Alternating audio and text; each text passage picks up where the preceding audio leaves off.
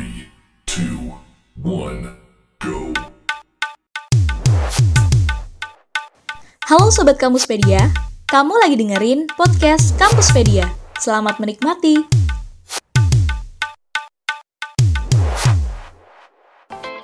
Tak menutup kemungkinan banyak kejahatan yang terjadi pada masa krisis saat ini. Salah satunya ialah penipuan. Guna untuk mendapatkan keuntungan karena terdesak ekonomi, mereka tega menipu orang-orang yang berniat tulus ingin mencari nafkah. Hati-hati, berikut ciri-ciri lowongan kerja penipuan yang harus kamu hindari. Yang pertama, meminta uang di awal dengan alibi untuk biaya training ataupun akomodasi ke lokasi tes. Mereka mensyaratkan untuk membayar di awal pendaftaran. Yang perlu kamu ingat, proses rekrutmen itu tidak dipungut oleh biaya apa pun. Training itu gratis, diberikan oleh perusahaan dan juga perusahaan nggak akan mikirin bagaimana akomodasi kandidatnya. Jadi, kamu harus hati-hati ya. Yang kedua, menipu atas nama perusahaan lain. Mereka menipu masyarakat dengan memberikan informasi seolah-olah ada perusahaan ternama yang lagi membuka lowongan kerja, tapi nyatanya itu hanyalah penipuan. Sebelum mendaftar, ada baiknya kamu mengecek terlebih dahulu surat lowongannya. Apakah penempatan logo atau kop surat sudah tepat, tanda tangan palsu atau tidak, dan berbagai aspek lainnya yang mencurigakan. Kamu bisa menanyakan ke orang yang lebih berpengalaman atau mencari tahu di internet. Yang ketiga, panggilan interview sama sekali tidak menyebutkan posisi. Pada surat undangan interview palsu, biasanya mereka tidak menyebutkan posisi atau lowongan apa yang dibutuhkan di perusahaannya.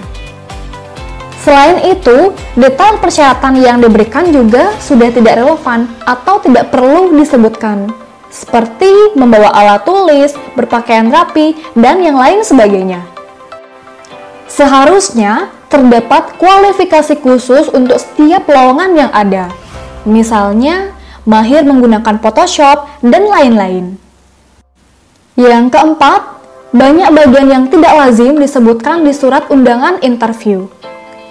Pada surat undangan interview resmi, hal-hal seperti typo, kata-kata yang mubazir, bahasa yang tidak profesional dan berbelit tidak boleh dicantumkan.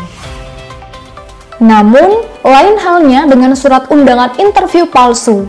Kamu bisa saja menemukan tipe-tipe kalimat seperti itu. Yang kelima, benefitnya banyak, tapi nggak sesuai dengan job description. Setiap benefit yang diberikan oleh perusahaan seharusnya sesuai dengan apa yang dikerjakan oleh karyawannya. Misalnya, perusahaan membuka lowongan kerja sebagai admin, tapi benefitnya yang ditawarkan ialah setingkat manajer.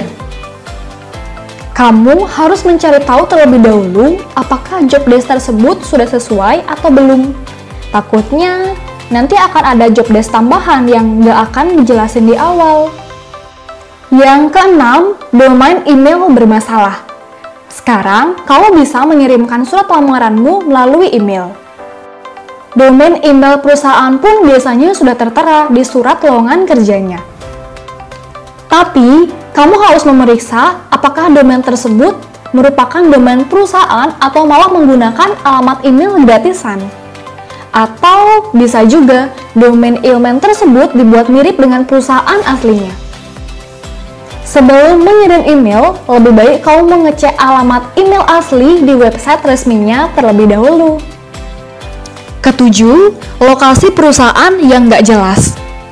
Jika kamu sudah dipanggil untuk datang ke perusahaannya, kamu bisa melihat langsung bagaimana lokasi perusahaan yang akan kamu lamar itu.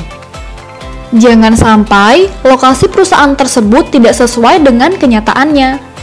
Misalnya, kamu melamar lowongan kerja di perusahaan tambang, eh, tapi kantornya malah di ruko yang kelihatannya nggak keurus. Ih, mencurigakan nih. Nah, itu dia ciri-ciri lowongan kerja penipuan yang harus kamu waspadai. Jangan sampai terjebak ya. Semangat! Kalau kamu ngerasa bahwa channel Kampuspedia bermanfaat, jangan lupa untuk memfollow Instagram, Facebook, LinkedIn, Twitter, dan official account lain Kampuspedia. Untuk kamu yang enggak mau ketinggalan informasi terkini, kamu juga bisa mengakses link website artikel Kampuspedia pada deskripsi di bawah. Salam Kampuspedia, untuk kamu lebih siap akan hari esok.